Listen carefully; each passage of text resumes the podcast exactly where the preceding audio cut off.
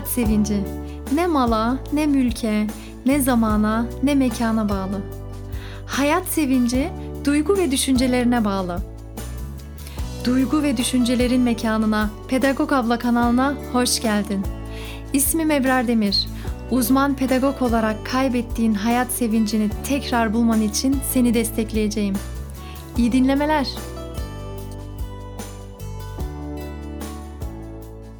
Bölüm başlamadan hemen bir teşekkür sıkıştırayım ben buraya. Ee, bana böyle içten, candan, ciğerden Allah senden razı olsun Ebrar Hanım diyenler var. Ben de bu dileği gerçekten içten, yürekten alıyorum. Çok çok teşekkür ediyorum ve amin. Hepimizden razı olsun inşallah diyorum. Ee, 2020 yılına girdik malum. Hepimiz için hayırlı olsun inşallah. Dün Instagram ve Face'ten, Facebook'tan sormuştum sizlere. Yeni yılda neleri aşmalıyız sence diye sormuştum. İlginç ve farklı cevaplar geldi. Bu bölümde bu soruyu ben cevapladım. İyi dinlemeler.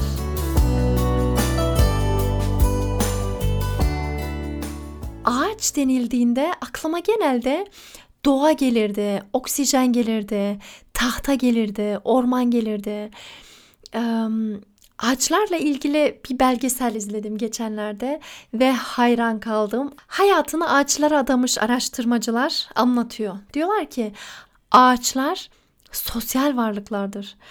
Mesela ağaçlar iletişim halindelermiş. İnternet gibi bütün ağlar e, bağlantı halindeymiş. Bütün ağaçların yani ağaçların kökünden birbirlerine bağlantı halindelermiş ve düşünebiliyor musun? Ağaçların dili varmış ya.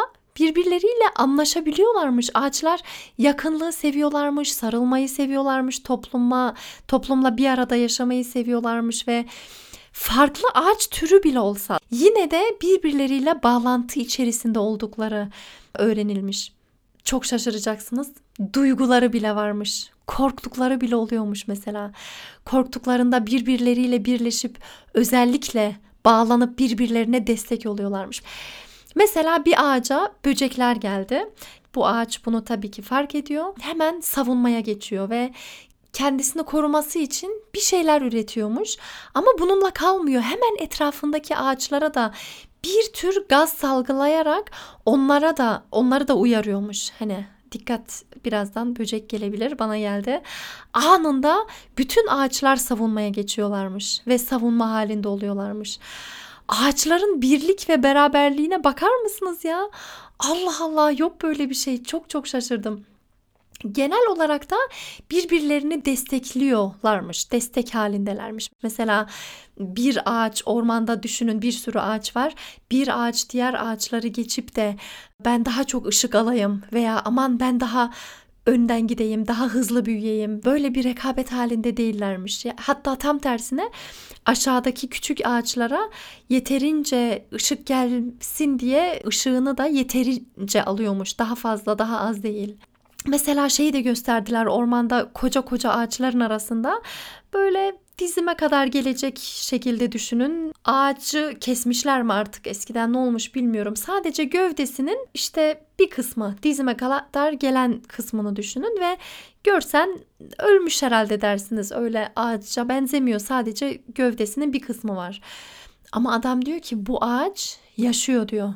Bu canlı diyor. Çünkü kök sistemleri diğer ağaçlarla birbiriyle bağlantılı halinde. Komşuları tarafından yeterince besleniyor diyor aklımdaki ağaç tanımı tamamen değişti ve bu belgeseli izledikten sonra artık ağaç denildiğinde aklıma gelen öyle tahta, yok hava, yok orman, yok yeşillik gelmiyor.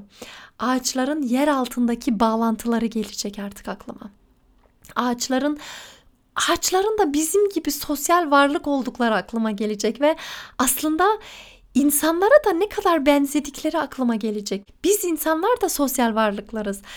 Geçmişte çok acı deneyler yapanlar var. Özellikle kimsesiz çocukları e, alıp böyle hiç bir kimsenin bulunmadığı ortamlarda sevgisiz, bakımsız, dil öğretmeden, duygu göstermeden bir çocuk ne oluyormuş diye baktıkları deneyler var geçmişimizde ve bu deneylerde görüyoruz ki bir çocuk bağlantı yoksa eğer duygu kullanmıyorsa, dili öğrenmiyorsa fazla ömrü yok, yaşamıyor fazla ve biz sosyal varlıklarız. Başka insanlara muhtaçız. Bize bakan insanlara belirli bir yaşa kadar.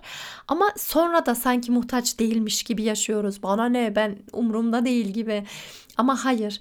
Biz büyüdükten sonra da yetişkin olduktan sonra da aslında bağlanmalara muhtacız. Etrafımızdaki iyi bağlanma, sağlıklı bağlanma kurduğumuz insanlara muhtacız. Bunu son dönem nörobilim de bize açık ve net gösteriyor. Ee, bir insanın sağlıklı yaşayabilmesi için, işte hayat sevinci olabilmesi için, böyle hayatından zevk alıyor olması için motivasyon sisteminin çalışması gerekiyor. Bir şeyi yapmak için istek olması gerekiyor ve bunu da yapayım, buraya da gideyim, bunu da selam vereyim, böyle yapayım falan ve bu motivasyon sistemi ne zaman çalışıyor diye bilim adamları son 30 yıldır aşırı bir şekilde çalışıyor. Ve son buldukları şeyler bütün bilim dünyasını da şaşırttı. Şöyle bir insanın motivasyon sistemi doğal haliyle çalışması için başka insanlardan kabul görmesi gerekiyor. Başka insanlardan sevgi, ilgi görmesi gerekiyor. O zaman motivasyon sistemi kendiliğinden çalışıyor. Bu da bizim ne kadar sosyal bir varlık olduğumuzu göz önünde bulunduruyor. Eğer sağlıklı bir insan olmak istiyorsam etrafımdaki insanlarla sağlam bağlar kurmam gerekiyor. Bu yüzden ağaçlar kökleriyle birbirine bağlantılı haldeler ve köklerinden birbirini destekliyorlar ve güven oluşturuyorlar. Biz ağaç değiliz. Bizim kökümüz yok belki ama Neşat Ertaş diyor ya gönülden gönüle bir yol vardır görünmez. Aynen öyle. Bizim de aslında görünmeyen bağlarımız var. Hepimizi bir arada tutan, hepimizi birbirimize bağlayan ve bizi sağlıklı tutan. Çok ilginç değil mi? Nasıl yani sağlıklı tutan da ne demek? Evet şunu da biliyoruz bugün aslında. Sağlıklı bağlar içerisindeysek daha sağlıklı yaşayabiliyoruz. Bunu bize anlatan çok güzel bir hikaye. Hikaye derken böyle hani olmayan bir şey aslında gibi bir şey e, çağrıştırıyor bende. Hikaye değil bu gerçekten yaşanmış bir olay. 1882 yıllarında İtalya'da çok zor şartlar altında yaşayan insanlar varmış ve bu insanlar artık yeter demişler. Yani o kadar ağır çalışıyoruz ama aldığımız ücret hiçbir şey ve kendilerini geliştiremiyorlardı. Çoğu okumayı yazmayı bile bilmiyorlarmış ve bir gün 10 erkek ve bir çocuk karar, şöyle bir karar almışlar. Demişler ki biz burada kalmak zorunda değiliz ya. Gidelim, göç edelim, dünyanın başka yerlerine gidelim ve Amerika'ya gidiyorlar. Amerika'nın Philadelphia bölgesinde işte bir yer görüyorlar. Orada çalışmaya başlıyorlar. Oraya yerleşiyorlar. Bu 10 adam ve bir çocuk derken çok da iyi para kazanıyorlar. Böyle olunca haber gönderiyorlar Rosetto'ya, İtalya'ya. Diyorlar ki siz de gelin. Burada şartlar çok iyi. Derken birçok kişi çantasını toparlayıp Amerika'ya göç etmiş ve sadece 1894 yılında bile 1200 Rosetolu Amerika için pasaport başvurusunda bulunmuş derken Rosetolular, Roseto'dan gelenler Amerika'da, Philadelphia'da el ele vermişler. Bir yandan çalışmışlar, diğer yandan da para kazanıp toprakları satın almışlar ve temizlemişler toprakları, soğan ekmişler, fasulye, patates, kavun, meyve derken fırınlar açmışlar, restoranlar açmışlar, parklar inşa etmişler, mezarlıklar falan derken Artık öyle bir olmuş ki bulundukları bölgenin adını bile Roseto koymayı başarabilmişler.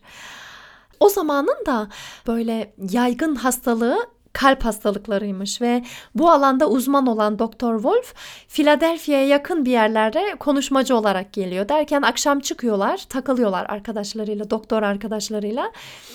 Bir doktor arkadaşı diyor ki Biliyor musunuz 17 yıllık doktorum bana her yerden hasta geliyor ama Roseto'dan gelip de 65 yaşın altında kalp hastalığına yakalanmış birisine hiç rastlamadım. Aa Doktor Wolf hayretler içerisinde kalmış çünkü kalp hastalıkları her yerde. Böyle bir şey olamaz ki nasıl o bölgede hiç olmasın mümkün değil. E, inanmıyorsan gel bak demiş Doktor Wolf da gitmiş ve istatistiklerine bakmış ve gerçekten de 55 yaş altında kalp hastalığı yokmuş, intihar yokmuş. Çok az suç varmış ve sosyal yardım alan kimse yokmuş. Bütün bunları kanıtlayabilmişler. Sonra demişler ki ya kesin şimdi bunlar ekiyor biçiyor ya hep organik şeyler yiyorlar, sağlıklı besleniyorlar bu yüzden hastalanmıyorlar. Ama araştırdıktan sonra bakıyorlar ki hiç de öyle bir durum yok. Tam tersine aşırı kalorili yemekler tüketiyorlar. İşte pizza gibi. Ondan sonra sağlıksız çok çok yağlı şeyler yiyorlar ve üstelik birçoğu da böyle göbekli. Yani şişman. Derken belki e, çok fazla spor yapıyorlardır. Sabah çıkıp böyle spor yapma alışkanlıkları vardır belki onu araştıralım ama araştırıyorlar ve bakıyorlar ki yo spor yapmıyorlar hatta tam tersine e, birçoğu sigara içiyor ve sağlıksız yaşıyor. Derken diyorlar ki belki aileden gelen genetik bir güç vardır. Hani biz bir aileleri araştıralım. Gidiyorlar akrabaların yani aile derken akrabalarına Amerika'da oturan başka yerlerde oturan akrabalarını araştırıyorlar ama hayır bu da değil sebebi. Derken diyorlar ki herhalde onların kaldıkları bölge böyle bir dağın eteğinde kalıyorlar ee, yeni Roseto dedikleri mekanın adı. Diyorlar ki herhalde orası bol oksijen alan bir mekan. O yüzden herhalde fazla şey hastalıklar ulaşmıyor.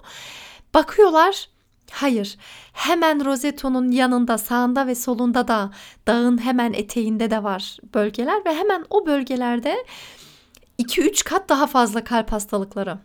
Sonunda Doktor Wolf yoruluyor artık diyor ki yani nereye kadar derken düş, kara kara düşünürken şöyle bir etraflarına bakıyorlar ekibiyle birlikte. Bu arada ekibini de getiriyor. İşte belediye başkanından destek alıyor. Araştırma ekibiyle birlikte hep birlikte araştırıyorlar ve en sonunda etrafına bakıyorlar ve bakıyorlar ki kadınların elinde tencere, kapılar açık, yemekler, öğlen akşam yemekleri hep birlikte yeniliyor. Ondan sonra üç kuşak bir arada yaşıyor. İşte anneanne, babaanne, dede bir evde yaşıyorlar ve insanlar sorumluluk üstleniyor başkaları için de kendileri için de ve ufacık aslında 2000 kişinin bulunduğu bir yer için bir sürü yardımlaşma dernekleri var. 23 tane falan diye hatırlıyorum ama emin değilim. Ve yardımlaşma çok çok fazla. Derken sonunda diyorlar ki tamam bu kurdukları bağ, bu kurdukları güzel ilişki onlara sağlık olarak geri geliyor. Rosetolular bu görünmeyen bağlardan bahsettik ya bu görünmeyen bağları sımsıkı tutunmuşlar, sımsıkı yapmışlar ve el ele vermişler, el ele çalışmışlar. Tıpkı ağaçlar gibi aslında ağaçların köklerinden birbirlerini destekledikleri gibi bizim doğal halimizde bu ve Roseto halkı bunu bize gösterdi. Ama sanki biz Roseto'ya biraz çok uzağız. Bizim böyle baktığımızda etra- baktığımda etrafa karalamalar görüyorum. Bir sahne var aklımda televizyonda görmüştüm. Bir hoca ya camilerde bildiğin vaaz veren bir hoca ve televizyonlarda da görünen bir hoca. Diğer hocanın tefsirini almış ve bir karalıyor. İşte o böyle demiş, o böyle ha ha ha bir de böyle gülerek anlatıyor ki bu sahne hep aklımda. Yani sen hocasın, sen Müslümansın, sen insanlara örnek bir adam olacaksın güya ama e, kendin gibi başka hoca yap, hocalık yapan adamlara saldırıyorsun ve onları küçümsüyorsun, küçük düşürmeye çalışıyorsun. Çok çok üzüldüğüm bir sahneydi bu sahne ve dışlamalar görüyoruz. Ben anne olarak mesela şöyle bir şey de yaşadım. E, mahallemizde işte çocuklar oynuyorlardı ve biz de annelerle sohbet ediyorduk sık sık ve bir anne dedi ki bana şu çocuk çok yalan söylüyor. Onunla e, ve küfür kullanıyor. Onunla fazla arkadaşlık kurdurmuyorum ben. Biz biz kurdurmuyoruz. Bizim çocuğumuza yasakladık biz onunla konuşmasına. Allah dedim. Ben nasıl yasaklarım çocuğuma başta ama bir dikkat edeyim dedim ve çocuk gerçekten ağzından ne çıkıyorsa böyle gıcıklığına söylüyor ve gerçekten yalan yani. Hani kadınların e, dediği doğru. Yalan söyleyen ve küfür kullanan, sıkça küfür kullanan bir çocuk. kara kara düşünüyordum ben nasıl yapsam ne yapsam diye ve tam o aralarda benim oğlum da okulda bazı sıkıntılar yaşadı. İşte yeni gelmiştik Almanya'dan. 4 yıl önce. O da biraz böyle işte üzülüyordu. Ben kuzenlerimi özledim. Biz niye buraya geldik ki? Ben anneannemi, dedemi özledim. Bizim burada ne işimiz var gibi.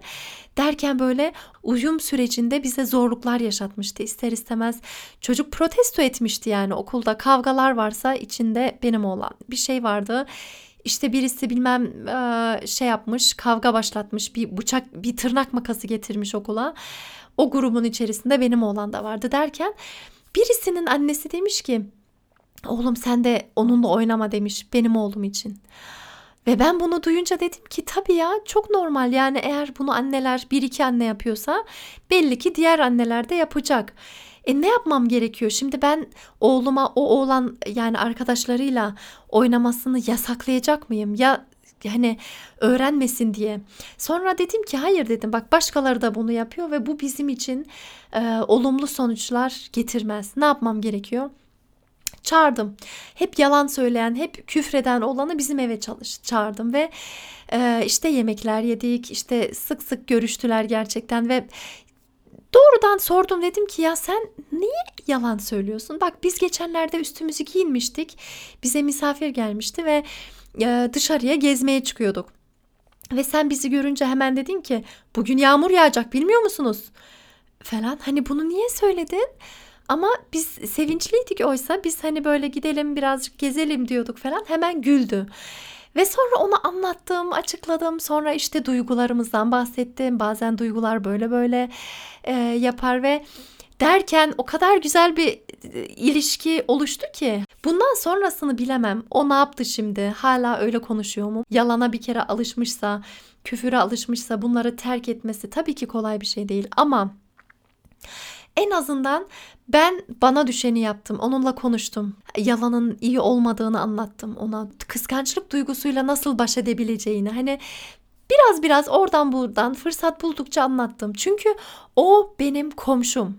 Çünkü onunla aynı mekanı paylaşıyoruz. Ben çok uzaklara bile taşınsam benim din kardeşlerimle muhatap. Benim kendisi de zaten benim dinde kardeşim ve hani sadece kendimden sorumlu değilim. Onu demek istiyorum.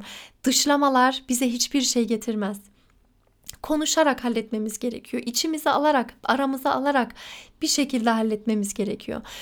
Küsmeler de bir işe yaramıyor. Onlar da tam tersine bize zarar veriyor. Ben küsmeyi arkadaşımın vefatından sonra bıraktım. Şöyle bir sahne var yine aklımda geçmişlerden kalan. Arkadaşım evlendikten tam 5 hafta sonra vefat etmişti ve yeni evlilerdi eşiyle. Eşi de bizi çağırıp sık sık konuşmak istiyordu. Bize eşini, vefat eden eşini anlatmak istiyordu veya bizden istiyordu. Siz bana anlatın. Başka neler de, derdi Zeynep? Başka ne yapardı falan diye. Derken bir gün bize anlattı. Dedi ki o işe giderken dedi yemeğini ben hazırladım. Çünkü misafir varmış. Ondan sonra derken ayrılmışlar. Balkondan bakmışlar birbirlerine el sallamışlar falan.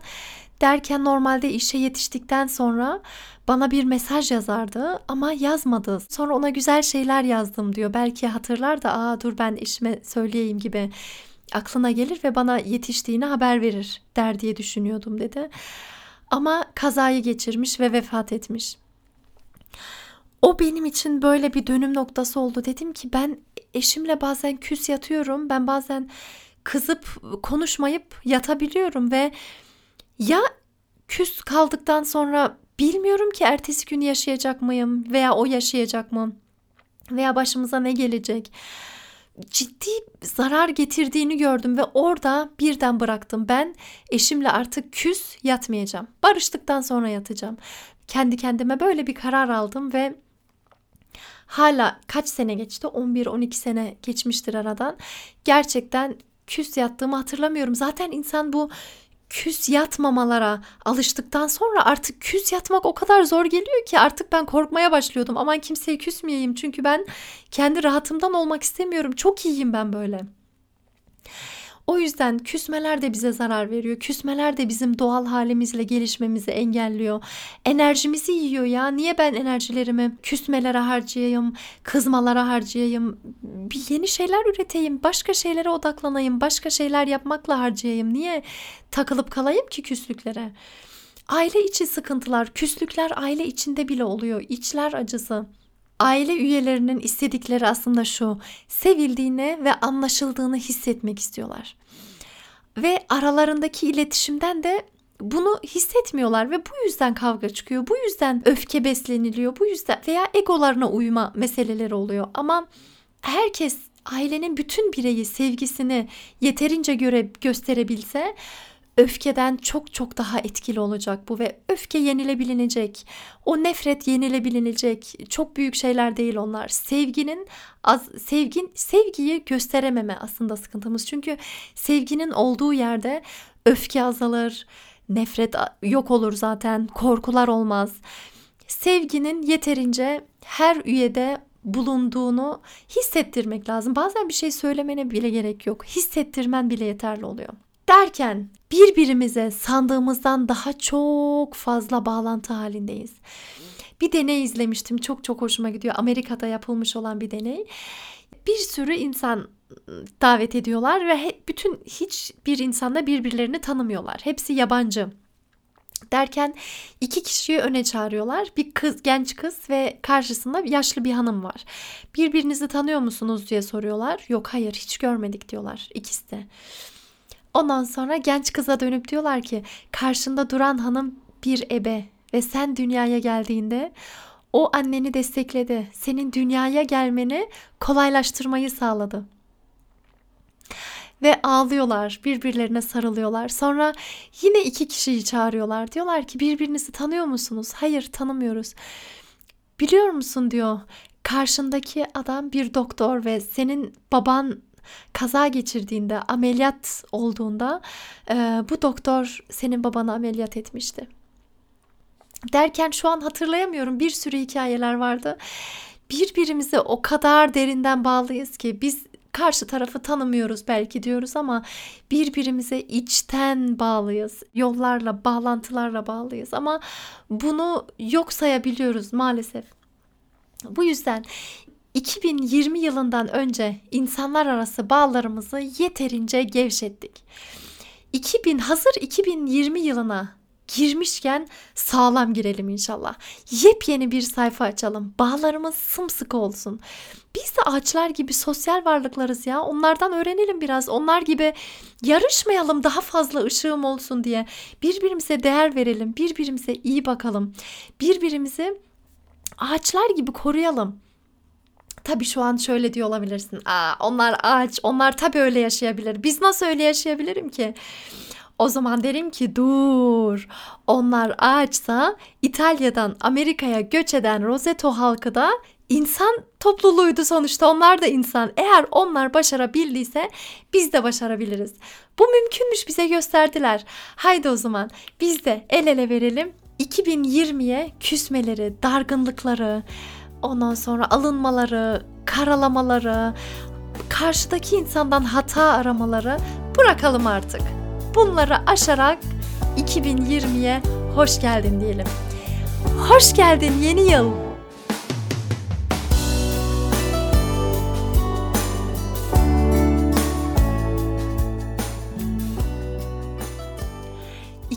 2020 yılında birlik ve beraberliğimizi sağlamlaştırarak güçlenelim inşallah. Vererek sahip olalım, saygı duyarak saygı görelim, hoşgörülü davranarak hoşgörü görelim inşallah. Dinlediğin için çok teşekkür ederim. Instagram ve Facebook üzerinden desteğini beklerim. Bu bölümü ya da diğer bölümleri beğenirsen, paylaşırsan ya da önerirsen çok çok sevinirim. Yeni yılın ilk cuması hayırlı olsun. Sadece yeni yılın değil, ömrün hayırlı olsun, uzun olsun ve su gibi aksın inşallah. Sevgilerimle Ebrar Demir.